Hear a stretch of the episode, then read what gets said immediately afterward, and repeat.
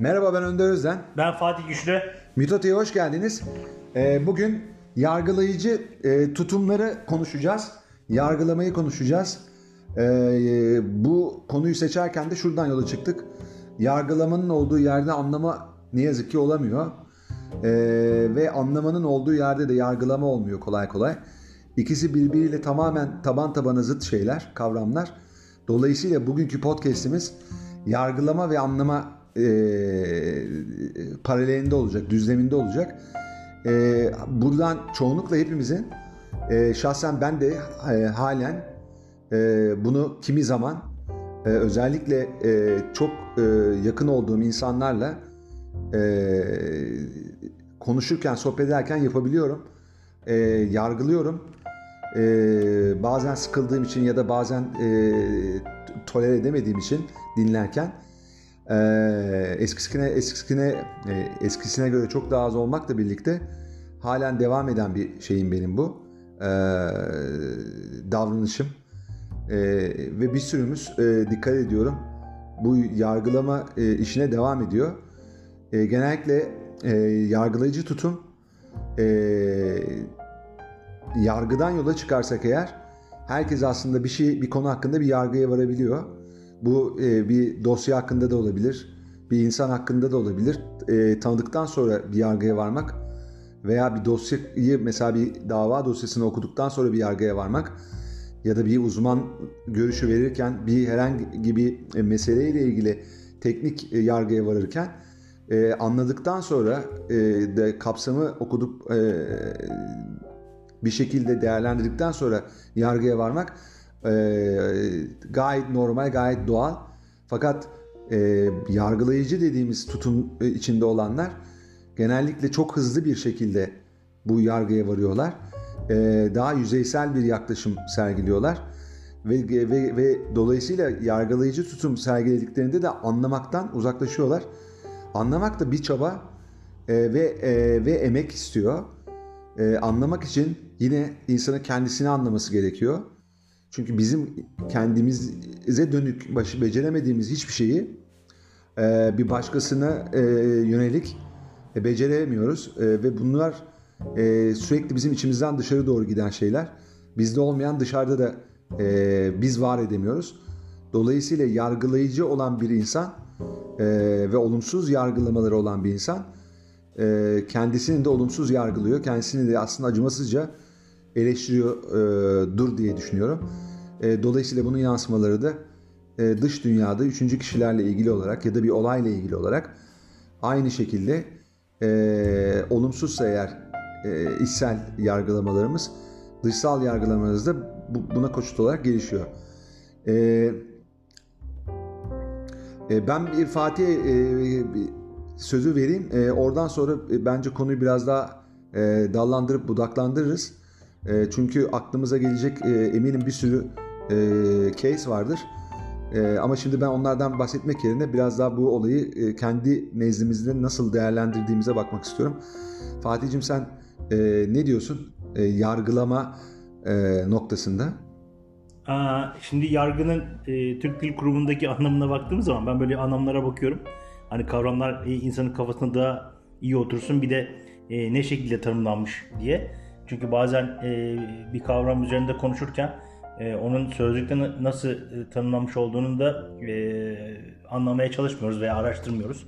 Burada yargı e, şöyle diyor, kavrama, karşılaştırma, değerlendirme ve başka yollarla başvurularak kişi, durum veya nesnelerin eleştirici bir biçimde değerlendirilmesi, hüküm diyor.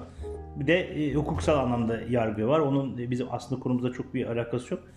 E, burada burada şu var yani e, ben işte bundan 12-13 sene evvel e, koçluk eğitimi almıştım.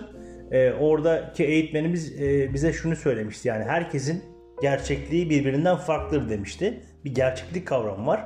E, bir de yine e, rahmetli Doğan Hoca'nın kitaplarını okurken paradigma kavramını ben e, orada görmüştüm. Paradigma aslında bir algı dizine. Yani e, insanların e, geçmişten, ailesinden, e, içinde yaşamış olduğu kültürden, işte eğitim sisteminden edinmiş oldukları bir takım deneyimler sonucu e, beynin e, yaratmış olduğu kendi işlerindeki çıkarımlar aslında. Algı dizini. Algı dizini yani e, bir gözlük olarak düşündüğümüz zaman yani siz kendi e, algı dizinizi bir gözlük olarak düşündüğünüzde onu gözünüze taktığınızda e, hayatı o gözlük çerçevesinden görüyorsunuz. O yönde algılıyorsunuz, o yönde değerlendiriyorsunuz.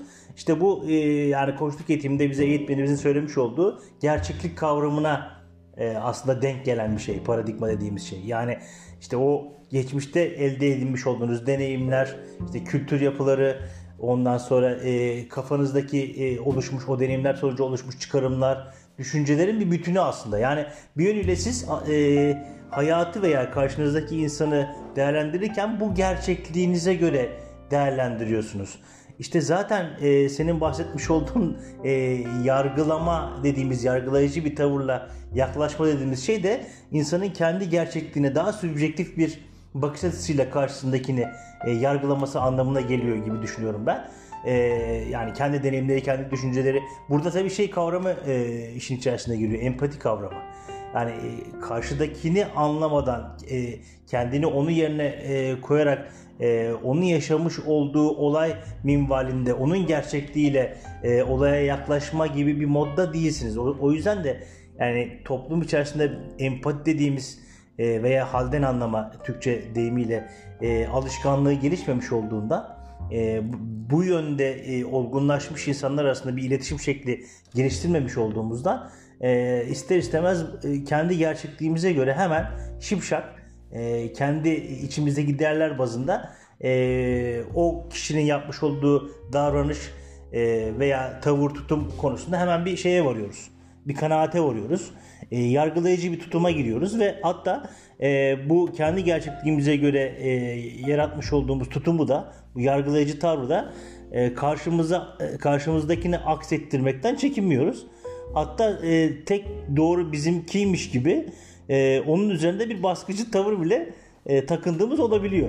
Evet. Yani toplumun içerisinde birazcık güç kültürü e, varsa, baskınsa hatta bu kültür, bu yargılayıcı tutum ve davranış e, karşımızdakine sanki kendi gerçekliğimiz tek doğruymuş gibi e, baskılayıcı bir tavırla da zorla kabul ettirme moduna da girmiş olabiliyor. Zaten e, gücü elinde bulunduran yöneticiler de bu kafa yapısındaysa e, bana göre faşizan e, iktidarlar e, bu yönüyle gelişiyor e, aynı şeyi. E, karşısındakine tek kişiye değil de bu sefer topluma e, halka uygulamaya çalışıyor. Tek e, benim doğrumdur diye. O yüzden e, hakikaten şeyin önemi yani anayasada e, sayılan e, düşünce özgürlüğünün önemi bu minvalde ve halden anlama değeri empatinin önemi e, burada ortaya çıkıyor yani hep daha önceki podcastlerde dile getirdim yani George Orwell'in meşhur sözü e, belki de e, anlamak, anlaşılmak e, sevilmekten daha önemliydi diye bir sözü var. E, bu son derece doğru. Çünkü karşınızdakini kendi gerçekliğine göre e, anlamaya çalıştığınızda ona empati kurup onun e, acılarını yaşamış olduğu olaya veya içinde bulunmuş olduğu duruma göre hissetmeye çalıştığınızda hakikaten karşınızdakine bir e, değer verdiğinizi hissettiriyorsunuz. E, onun varlığını kabul ediyorsunuz e, ikinizi bir ekip olarak kabul ettiğinizde onu bir ekibin parçası olarak görüyorsunuz. Sen de varsın diyorsunuz e, en önemlisi. Ve aranızda e, bu e, yaklaşım dolayısıyla bir e, güven ilişkisi gelişiyor. Ve e, yargılama dolayısıyla belki sizde ulaşabilecek e, öfkeler oluşmuyor.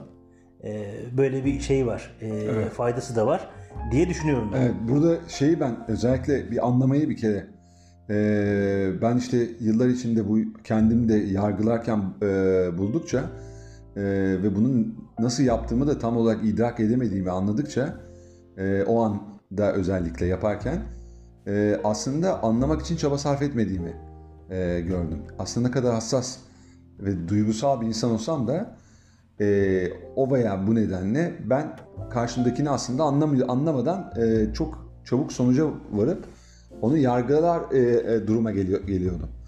Şimdi anlama nasıl olacak peki bu, e, bu e, nispette?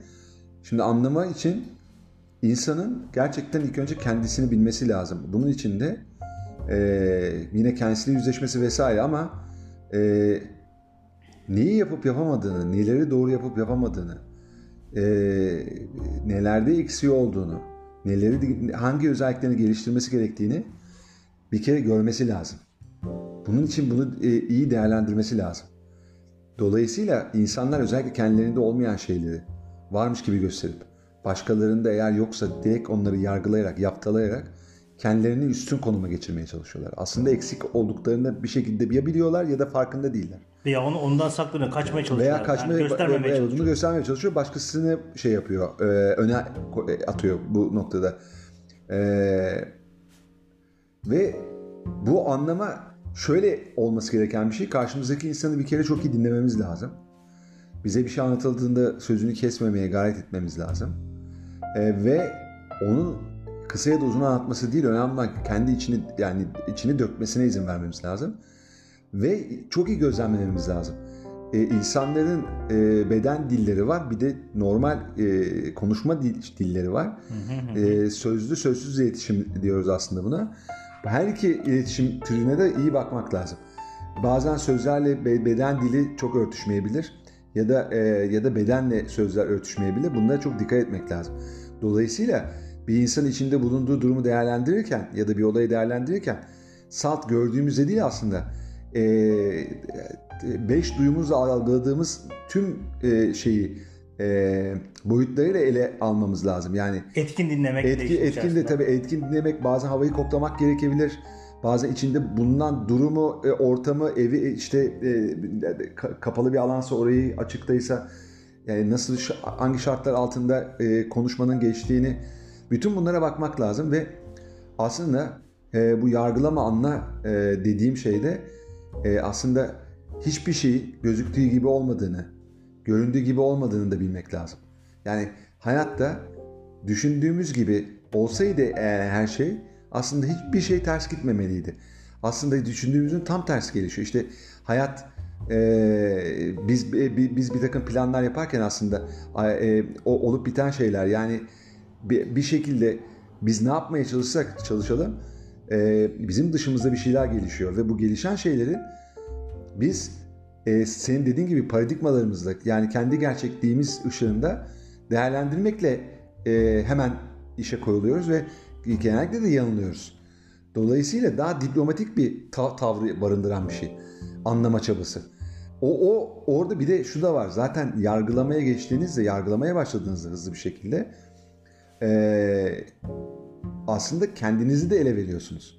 Çünkü genellikle insanlar öfkede olduğu gibi kendisine dokunan, içine acıtan şeyleri çok hızlı bir şekilde kestirmeden yargılayarak yani bir kaçış yaptılar. giriyorlar aslında. Evet, orada aslında kendilerini rahatsız eden şeyler şeyleri yargılar insanlar genellikle. Doğru, doğru. O yüzden neleri yargıladığımızı da bilmemiz lazım. Yani bizler özellikle bizi rahatsız eden şeyleri yargılıyoruz. Özellikle e, bizden daha aşağı olduğunu düşündüğümüz e, durumları ya da kişileri yargılıyoruz. Onları yargılarken aslında kendimizi yüceltmeye çalışıyoruz. Halbuki biz onlara benziyoruz. Bir de orada şu var. Yargıladığın her şeye benziyorsun aslında. Yani yargıladığın her şey sende de var aslında. Fakat sen bunu yok sayıyorsun zaten. Dolayısıyla bir orada sağlıksız egonun hakim olduğu egotist bir tavır var. O egotist tavır seni onu küçük görmeye, hakir görmeye ya da onu dinlemeden etkin bir şekilde anlamadan onu e, çok küçük bir denklemin içine oturtmaya e, teşvik ediyor.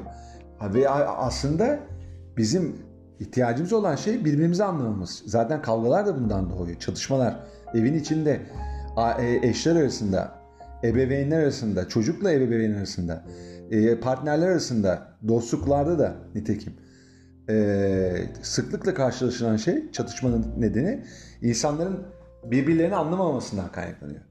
Yani anlamak için sabır, anlamak için bilgelik, anlamak için bilgi, bilgi ve e, deneyim gerekiyor. Yani e, bir de şey var tabii. Kendi o toplum dışı ile hareket ettiğimiz zaman e, kendimiz olamadığımız için, kendi özümüze dönemediğimiz için e, otantik olamayan insan e, zaten başkalarından çalmaya çalışarak hayatını e, fikirsel boyutta da, düşünsel boyutta da kendini var etmeye çalışıyor. Yani ben şöyle bakıyorum. Yargıladığım zaman anla, yani anlamak istemediğim zaman aslında ondan bir şeyler çalıyorum. Onun bana anlatmak istediği şeyleri a, a, a, e, anlamak yerine o, onun e, özgüvenini almak istiyorum kendime belki de. Veya onun anlattığı şeydeki doğruluk payı olan şeyleri yok sayarak onun aslında bilgili oluşundan kendime bir pay çıkarmaya çalışıyorum. Yani onu hatalı çıkararak. Halbuki doğru olan bir bilgiyi belki de bana aktarıyor o sırada. Veya benimle ilgili bir gözlemi veya bir olayla ilgili gözle, gözlemi çok doğru, çok isabetli.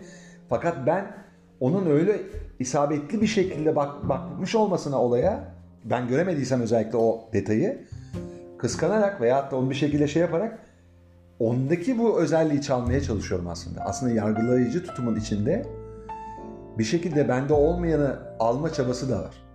Ben kendi eksik eksik hissettiğim bir şeyi, özelliği bir başkasında eğer görüyorsam bilinçli ya da bilinçsiz olarak onu kendime e, aktarmaya çalışıyorum yargılayarak ben. E, ve bu yüzden de anlamak istemiyorum. Aslında baktığında böyle bir e, şey var burada.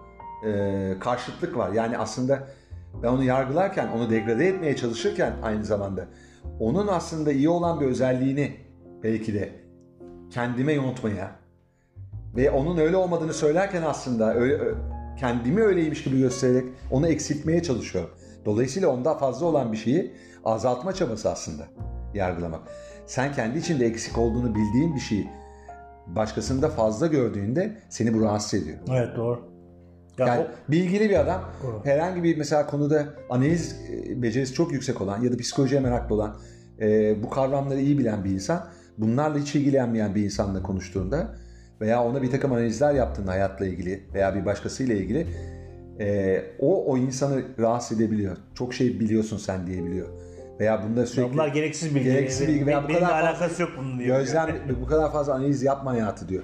Çünkü o fazla sende.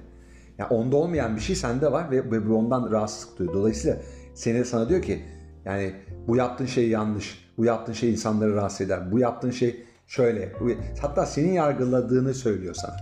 Halbuki belki sen çok doğru tespitlerde bulunuyorsun. İsabetli olarak. Bir de şu var. Yargılama noktasından kaçınmak için karşımızdaki insanın bize sormasını beklememizde fayda var. Yani bir şey anlattıktan sonra bize fikrimizi sorduğunda yargılama şeyinin dışına çıkıyoruz.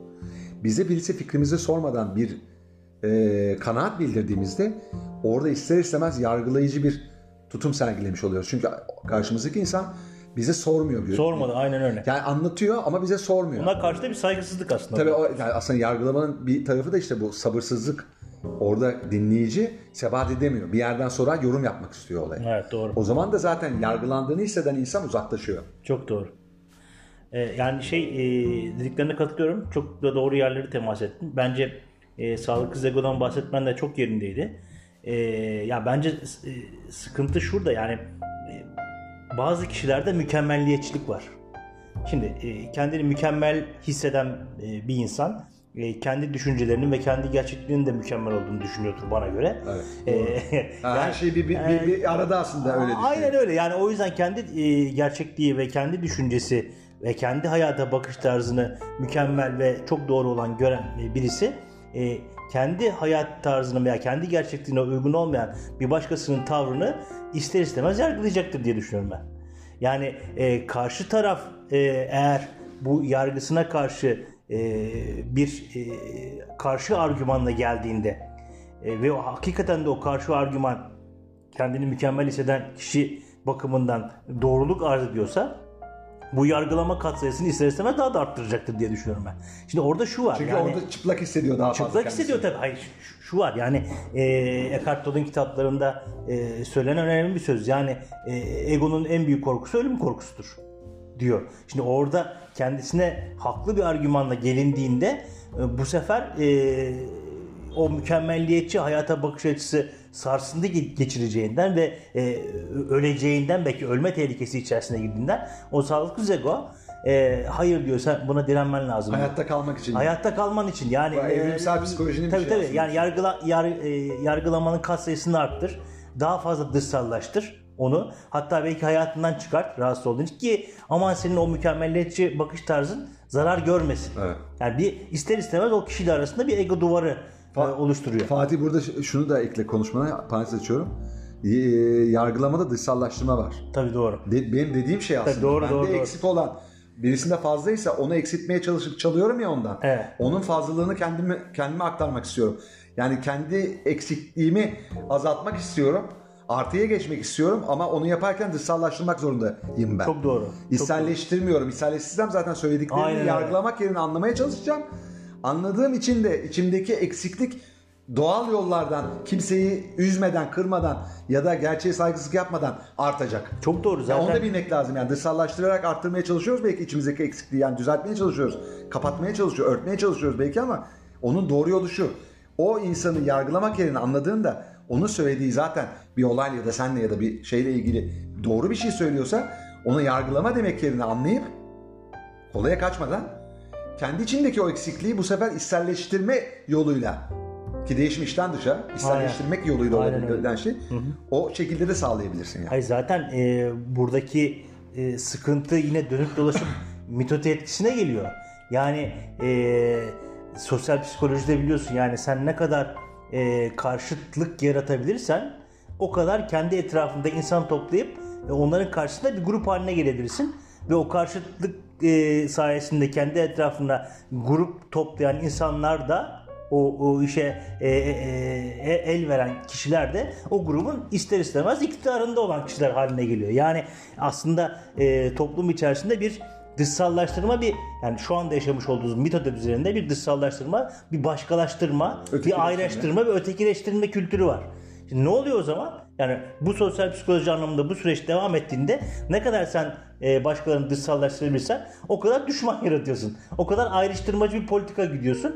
Ne yapıyorsun? O grubu sen e, sabitleyip onun içerisinde bir e, iktidar e, elde ederek e, o grubu kendi etrafında toplayarak bir yönetim e, içerisine e, girmiş oluyorsun. Yani bunun mesela en güzel örneklerinden birisini Fight Club filminde görüyoruz. Yani orada da e, tamamıyla dışsallaştırarak şiddet eğilimli insanların bir araya toplandığı e, bir grup oluşuyor. Yani hiç, e, farkında olmadan kendi kendine e, oluşan bu bilinçteki e, bir kafa yapısı dolayısıyla oluşan bir grup ve hatta o e, filmde Edward Norton'un yanında işte e, Brad. Brad Pitt var.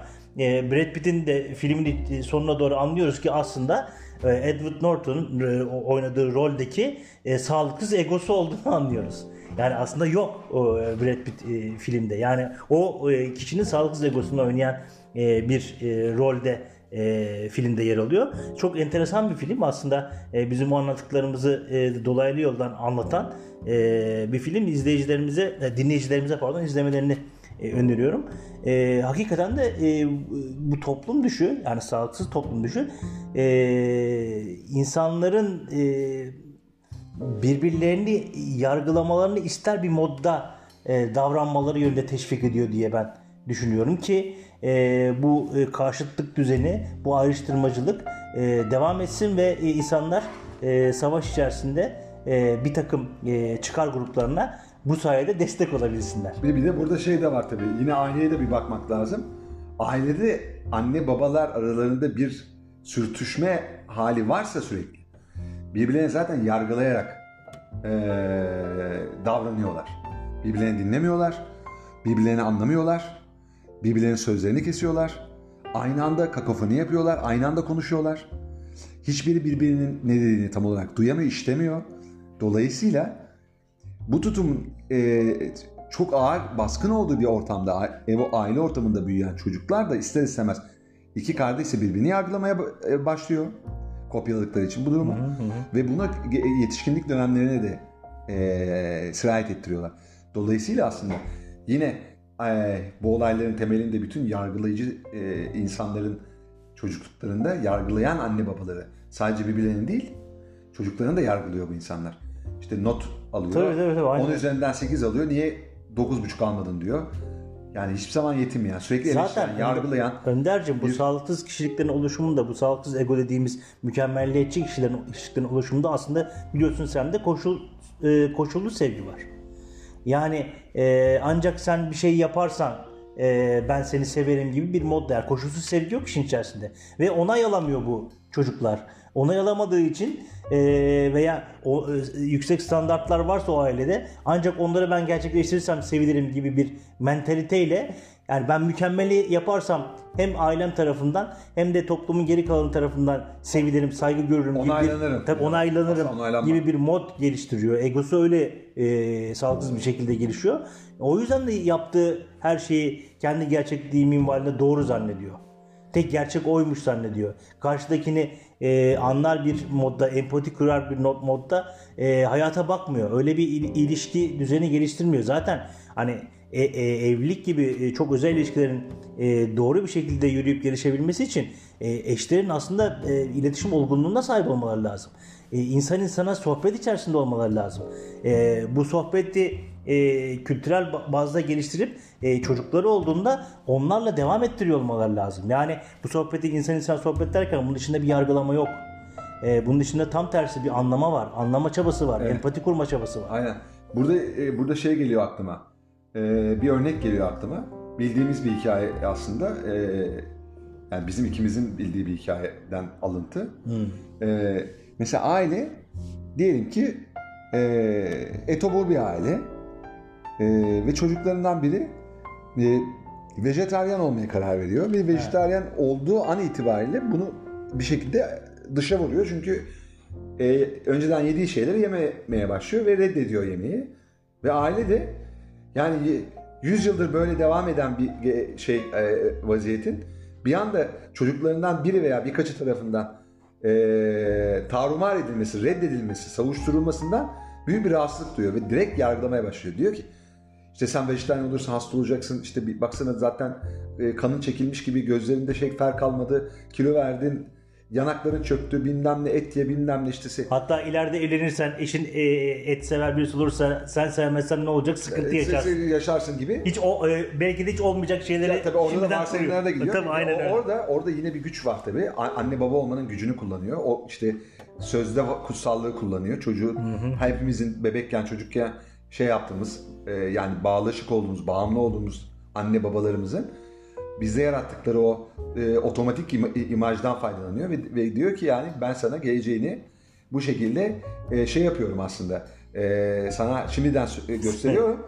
E, senin e, gidişin yani yolun yol değil. Evet. Bundan bir an önce dön. Bu sağlıksız ve, ve mantıksız e, bir akıl dışı bir e, seçimdir diyor. Halbuki orada çocuğa gelip sorması lazım. Demesi lazım ki ya biz bunu böyle böyle yaptık ama sen okuyorsun ediyorsun. Çok da araştırıyorsun. E, ki bu hikayede okuyan bir e, çocuk. O e, ailenin çocuğu. Oldukça fazla kitap okuyan falan. Ve ona gidip sor, sormanla sorması lazım hani. Yani neden böyle bir tercih yaptın sen? Anlamaya çalışması lazım. Yargılamanın nasıl olduğunu burada çok net görebiliyoruz. Aynen öyle. Yani orada direkt aile kendi paradigmasının dışında e, algı dizinin dışına çıkan bir davranış, bir seçim, bir kararı gördüğünde bunu kabullenmekte o kadar büyük bir güçlük çekiyor ki aslında kabullenmiyor zaten. Direkt reddediyor. Çok hızlı refleks refleksif bir şekilde bunu reddediyor ve karşı tarafı hiçbir şekilde e, söz vermeden direkt yargılamaya başlıyor. Şimdi burada e, iki tür yargılama var aslında. Ön yargıda diye diye değineceğiz. Ama genel olarak yargılamada birisi senin gücün varsa hiç onu konuşturmadan dahi sus sen dercesine "Ya bu iş iş değil sen bundan vazgeç diyor direkt. Direkt yargılıyor. Zaten orada bitiriyor. Aradaki o bağı da köreltiyor. Hiçbir şey anlatısı gelmiyor. O insanın güçsüz konumunda görülen kişinin bir daha bir şey anlatması da güçleşiyor. Güven çünkü sarsılıyor. Terk edildiğini hissediyor o konuşmada, o Aynen sohbet sırasında Aynen ya da monolog sırasında diyelim. Hmm, evet doğru. Diğeri de güç kültürü uygulanmasa bile taraflardan biri iki eş arasında diyelim bu seferde. Ee, ve şey açısından kadın erkek şeyi o eşitsizliği kafası hani olmadığını da düşünelim. Ekonomik özgürlükleri olsun herkesinde. Birbirlerini anlamak istemedikleri ve birbirlerine kızdıkları veyahut da birbirleriyle e, bir türlü orta noktaya varamadıkları için e, birbirlerini yargılayan e, yapılar var. Yani iki tane farklı yapı var aslında. Bir güç kültürünün uygulandığı ortamlarda var. Bir de güç kültürünün olmadığı ama e, birbirini Belki bir anlamak ag- istemediği. Ego savaşı. Ego savaşının çok fazla Haline olduğu. getirmiş olduk. Şimdi o dolayısıyla orada işte vejetaryen olmaya karar veren çocuğu e, anlamaya çalışmak yerine çok ciddi onu zor durumda bırakacak ve hatta onu kendi içinde kuşkuya, şüpheye düşürecek e, ve o sözde kutsallıklarını da kötüye kullandıkları, suistimal ettikleri bir durum yaratıyorlar. Bunları çoğu tabii bilmeyerek yapıyor bunu. Ne yazık ki bilmeyerek yapıyor. Yani keşke bilerek yapsa da gerçekten kızabilsek yani. Gerçekten bilerek yapıyorsun sen. doğru doğru. O yüzden de hani kızamıyorsun. Evet, Dolayısıyla doğru. biz de onları mesela ya şu anda ben yargılamıyorum. Diyorum ki anlıyorum ben anne babayı. Çünkü anne baba bu, bunu bu paradigmaları değiştirmek için hiçbir neden görmüyorlar. Onlar bu şekilde yaşamışlar. Anne babaları onların dedesi, baba, anneannesi, onların babası hep böyle yaşamış ve normal hayatlar sürmüşler. Hiç bundan çok büyük bir şey belki de e, görmemişler ya da kalp rahatsızlığını buna bağlamamışlar. Veya ego körlüğü yüzünden görmek istememişler. Yani önemli değil. O yüzden de yeni bir şey anla, anlamakta güçlük çekmişler. Ve o e, çocuk aile içinde kendisini yalnız, değersiz ve e, tek başına hissetmiş. hissediyor. Evet. Buradan da ön yargıya gelelim. Ön yargı da hep şunu deriz. Ben de öyle derdim. Ön yargı kötü bir şeydir. Yani ön yargılama aslında derdik hep. Fakat anladım ve öğrendim ki aslında ön yargı bazen hayatı kurtarabiliyor. Yani bir takım durumlarla ilgili bir takım e, faktörlerin bir araya geldiği bir e, durumda, bir or- ortamda orayla ilgili bir ön yargı, olumlu bir ön yargı sizin e, o noktada nasıl tepki vermeniz gerektiğini, nasıl bir e, şey e, e, belki savunma içine girmeniz gerektiğini, e, nasıl davranmanız gerektiğini size o ön yargı ön yargı tamamen e, verebilir. verebilir. E, ama buna karşın e, olumsuz ön yargılarda ise karşınızdaki ne söylerse söylesin dinleseniz bile ona idefix deniyor. O idefixle siz ona yaklaştığınız için asla değişmeyecek, vazgeçilmeyecek, vazgeçilmez olan e, inanışlarınız dolayısıyla karşınızdakini kesinlikle anlamak, kesinlikle şey yapmak istemiyorsunuz ve diyorsunuz ki senin bu e, söylediğin şeyler yanlış. Çünkü e, bunlar böyle olmak zorunda veyahut da o insan herhangi bir şey söylemese dahi o bunu zaten yapardı veya yapacaktı veya yapması muhtemeldir diyorsunuz.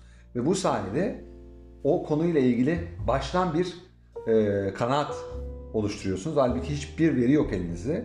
Bu da yine olumsuz bir önyargı e, örneği. Ama günün sonunda önyargı her zaman kötü olmak zorunda değil. Ki yargılama da her zaman kötü olmak zorunda değil.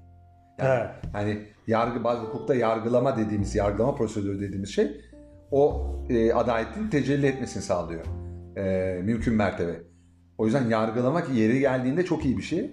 Doğru yargıya varmak, e, değerlendirerek, araştırarak, verileri, doneleri toplayıp bunları inceleyerek yapılırsa çok doğru bir süreç. Sürecin adı aslında yargı, yargılama süreci. Hayata farklı bakış açıları olabilir. Evet. Ama yani bir noktada karşı tarafı anlayıp da onun hayata bakış açısını siz kendi değerleriniz bazında doğru bulmayabilirsiniz. Ha bu noktada kendi yargınızı, e, kendi yargılamanız aslında belki sizin açınızdan daha doğru olabilir veya hayatın ge- genel perspektifleri ve gerçekleri açısından doğru olabilir.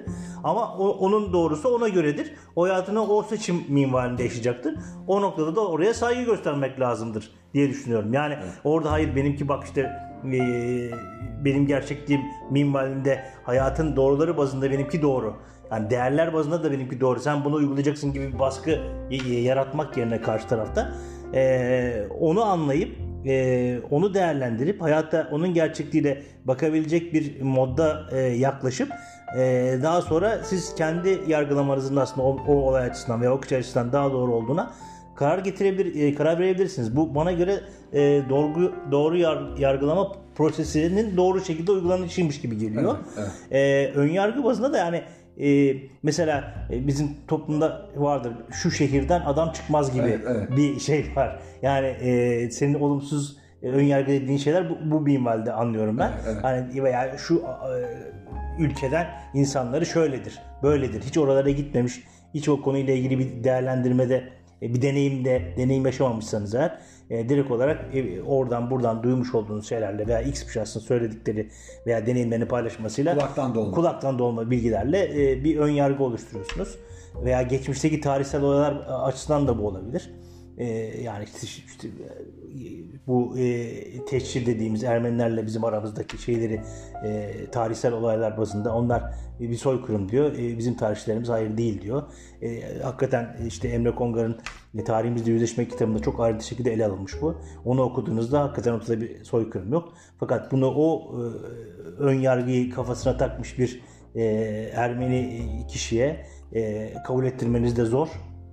Hani o, o noktada eğer bu direkt olarak hiç karşı tarafın birbiriyle birbirlerini anlamadan bir e, fikir alışverişine e, girme süreci de e, ister istemez bu önyargılar sabitlendiği e, minvalde e, hiçbir yere varamayacaktır diye düşünüyorum. Yani o, o noktada da iletişim olgunluğu son derece önemli. Senin e, yani olumlu önyargı dediğinden de ben e, bir takım donelerin e, toplanıp e, bir Daha takım deneyimlerin yaşanıp e, ondan sonra aslında bir e, yargı gibi geliyor Yine bana. o da yani. önyargı. Ya, Böyle olaylar olduğunda, bu tip durumlarda, bu tip a- anlarda yapılması gerekenler bunlardır.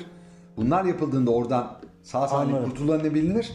Orada bir önyargı. Bunu da hani bi- bilinsin diye söylüyorum. Yani önyargı her zaman kötü değil. Anladım. O ön yargıyı, yargıyı oluşturan o şeyi öncelediğiniz yargı aslında daha önceki deneyimlerinizden kendisinin rüştünü ispat etmiş olan e, ve sonucu e, lehinize olmuş olan, avantajlı olan durumlara Çıkarımlar. çıkarımların e, benzer koşullarda uyarlanması, uygulanması anlamına geliyor. Bir de e, son olarak e, bence e, e, kapatabiliriz yavaş yavaş. E, bizim e, yargılamaktan nasıl uzaklaşırız? İşte anlamak lazım filan falan ama e, biz kendimizi halletmediğimiz sürece yargılamaya devam edeceğiz. Ya bu çok bu çok Yani, doğru. Bu yani çok yargılama şunu söylüyorum. Yargılama hiç zaman bitmeyecek. Yani her zaman yargılayacağız birbirimizi. Bir kere ben bu gerçekle barıştım. Tabii tabii aynen öyle. Yani bu bir doğru değil, bu gerçek. Herkes birbirini yargılıyor. Yani birisi bana soru sormadığı vakit, her ne vakit olursa olsun, ben o kişi veya durumla ilgili kendi kendime doğru da olsa, inanılmaz detaylı, inanılmaz araştırmacı bir ruhla bir e, tespitte bulunsam dahi ve bunu adına tespit desem dahi aslında bu bir yargılamadır. O konuyla ilgili bir yargıya varıyorsun. Dolayısıyla yargıya varma yani yargılama hayatın her aşamasında ve neredeyse her her e, döneminde e, Yani insanın olduğu her yerde var aslında, evet. Dolayısıyla ben de seni sen de beni aslında e, gün aşırı yargılıyoruzdur. Ama içsel içinde de yargılayabilirsin, dışında da yargılayabilirsin. Yani sonuçta kendimizi kandırmayalım. İçimizde bir sürü yargılama dönüyor ve biz bir sürü insan aslında yargılıyoruz. Bir fotoğrafa bakıyoruz, o foto- fotoğraf üzerinden bir sürü yorum yapıyoruz. Kesinlikle. İşte bir e, e, film seyrediyoruz, filmde karakterlerle ilgili binlerce yorum yapıyoruz. Yani c- karşımızdaki insana, burada bizim dikkat etmemiz gereken şey ne? Asıl, onu söylemeye geleceğim şimdi. Birisi bize gelip de bir şey anlatmak istediğinde, birisinin bir maruzatı olduğunda, birisinin bir sıkıntısı olduğunda, bir derdi olduğunda veya aile içinde dediğim gibi ters düşebilecek bir karar aldığında veya hayatında zor bir e, şey yaşadığında, e, deneyim yaşadığında, bunu gelip paylaşmak istediğinde veyahut da sorduğun soruya bir cevap ver, verirken, ver- verme aşamasındayken onu dinlemek yerine onun söyleyeceklerini e, iyice duymak, işitmek yerine bütün bunları söyledikten sonra bir şey söylemek yerine onun sözünü keserek veya dinlemeyerek onunla ilgili bir şey yaptığımızda biz yargılamanın en kötüsünü yapmış oluyoruz. Bunun yapmak yerine biz o insanı dinlemeliyiz. Biz kendimizi dinle, di- dinlemeye tahammülümüz olmadığı için dinlemiyoruz zaten. Kendimizi sevmediğimiz için sevmiyoruz ya insanları. Burada da aynı şekilde kendimizi tolere edemediğimiz için. Kendimizi sürekli yargıladığımız ve yerin dibine soktuğumuz için. Benden adam olmaz.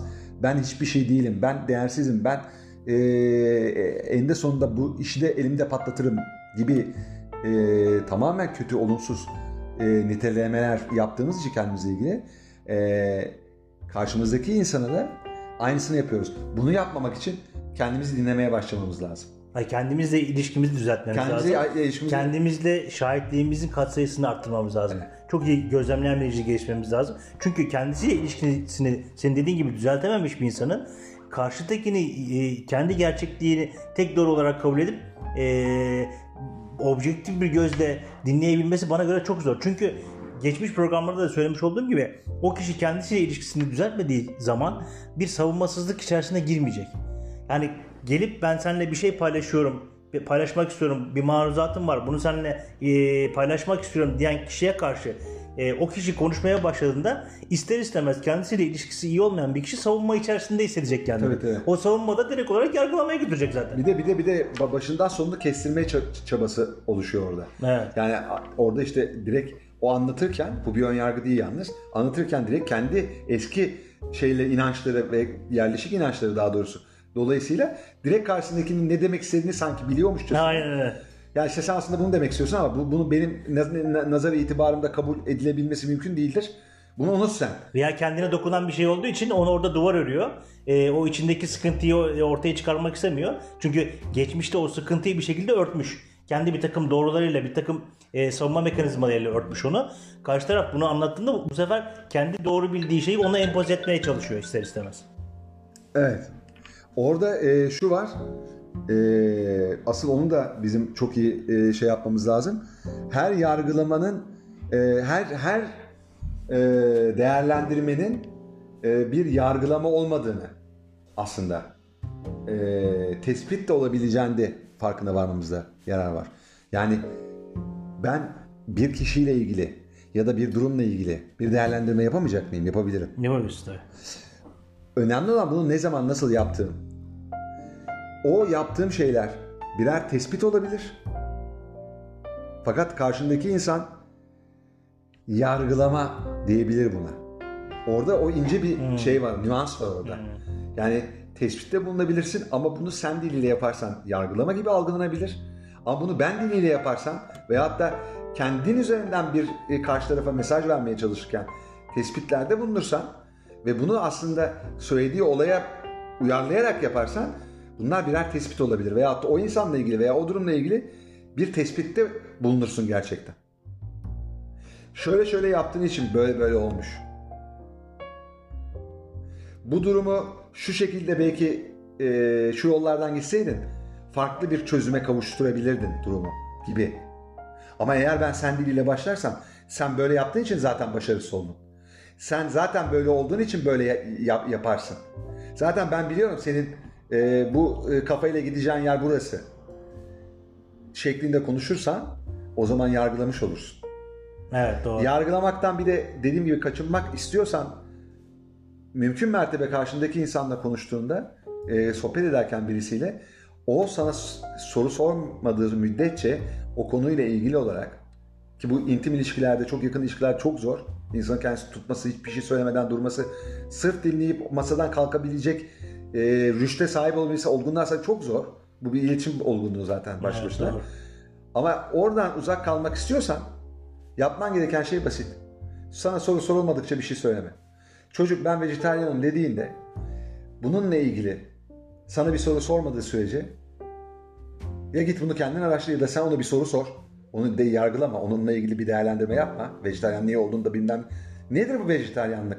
Benim anlamam için bana yol, yol Veya veganlık. veganlık Vegan yol, seviyesi yol, ya. yol gösterebilir misin? Ben bunu anlamaya çalışıyorum. Biraz bana garip geldi ama hani sen yaptıysan bir nedeni Yani var. orada Sen şey de olabilir. A- Ailenin bir endişesi de olabilir. Yani Tabii o endişe e, ama o endişeyi kaygıyı aktarmaktan önce bence. Tabii. Kaygılı yapılar kaygısını aktarır zaten. Tabii tabii tabii. Mimiğiyle, gözünün, e, göz bebeğinin büyümesiyle, heyecanıyla onu sorar, soru yoluyla da e, Şey yapabilir en azından ya ben bu vegan olmandan veya vejetaryen olmandan hiç et yemeyecek olmandan bir endişe duyuyorum. Benim bu endişemi e, giderebilecek şeyler nedir, doneler nedir ben onları anlamak istiyorum, araştırmak istiyorum. Hayatına e- e- et yemeyen e, kişiler nasıl devam ediyor? Et yemezsen hakikaten e, sağlığın elden gidecek bir modda mıdır veya ben çok mu abartıyorum? Bu tip yaklaşmak lazım. Aslında biz burada bir yönüyle de işte demokrasi kültürünü de e, aslında e, anlatmaya çalışıyoruz. İnsanların arasında böyle bir iletişim yargılamaksızın böyle bir iletişim tarzı olsa hakikaten bu toplumun içerisinde demokrasi kültürü yerleşir diye düşünüyorum ben. Kavga gürültü ortadan kalkar aslında. aynen. İşte o yüzden de hani dedi, de- dediğimiz gibi ya, ya sorular yoluyla e, bir yere varmaya çalışmak lazım soru sormayana ya da e, ya da sormadığı sürece bir değerlendirme yapmamaya çalışmak Evet. lazım. Bunlar çok zor. Bunları ben de şu an tam olarak yapabildiğimi söyleyemem. Evet doğru. Ama bir yol göster e, bize bir şekilde hani bunu nasıl halledebiliriz diye e, soracak olursa dinleyicilerimiz bunu tavsiye edebiliriz. Onun dışında genellikle zaten öyle bir e, korku e, yoğun e, bir toplumda yaşıyoruz ki her e, beyanımız, her değerlendirmemiz karşımızdaki insan için birer bir e, yargılama olarak algılanıyor. Veya tehdit olarak Veya tehdit olarak algılanıyor. O yüzden buralarda dikkat etmemizde büyük fayda var diyerek diyerek son bir söz söyleyeyim. Ee, yine Doğan Hoca'nın kitabından Ee, anlamanın olduğu yerde öfke yoktur, öfkenin olduğu yerde anlamı yoktur. Ee, yargılasak eğer direkt olarak bir- birilerini ister istemez o ilişki içerisinde bir öfke katsayısı oluşacaktır diye düşünüyorum. O yüzden ne kadar anlarsak e, taraflar arasındaki öfke katsayısını e, bir şekilde e, ortadan kaldıracağız. bir de o zaman şunu da diyebiliriz. Anladığın ölçüde yargılamadan uzaklaşırsın. Yargıladığın ölçüde anlamadan uzaklaşırsın. Aynen öyle. Aynen. Ve dediğimiz şekillerde, koşullarda yargılamaktan bahsediyoruz. Evet yani. doğru. doğru. Yani olumsuz algılanabilecek e, düzeyde yapılan yargılamalardan bahsediyoruz. Evet. Diyerek Diyerek e, herkese sevgilerimizi iletiyoruz. E, herkesin e, bayramını kurban kutluyoruz. kurban bayramını kutluyoruz. E, sevgilerimizi iletiyoruz. Kurban bayramı değil Ramazan bayramı. Ramazan bayramı. Karıştırdı. Nereden karıştırdım yani. Sağlık olsun. Sağlık olsun. Sağlık olsun. Niyetimiz iyiydi. E, iyi de evet doğru. Herkesin bayramını kutluyoruz. Kendinize iyi bakın. Sevgiyle kalın. Hoşçakalın. Mutluluklar deriz hoşçakalın.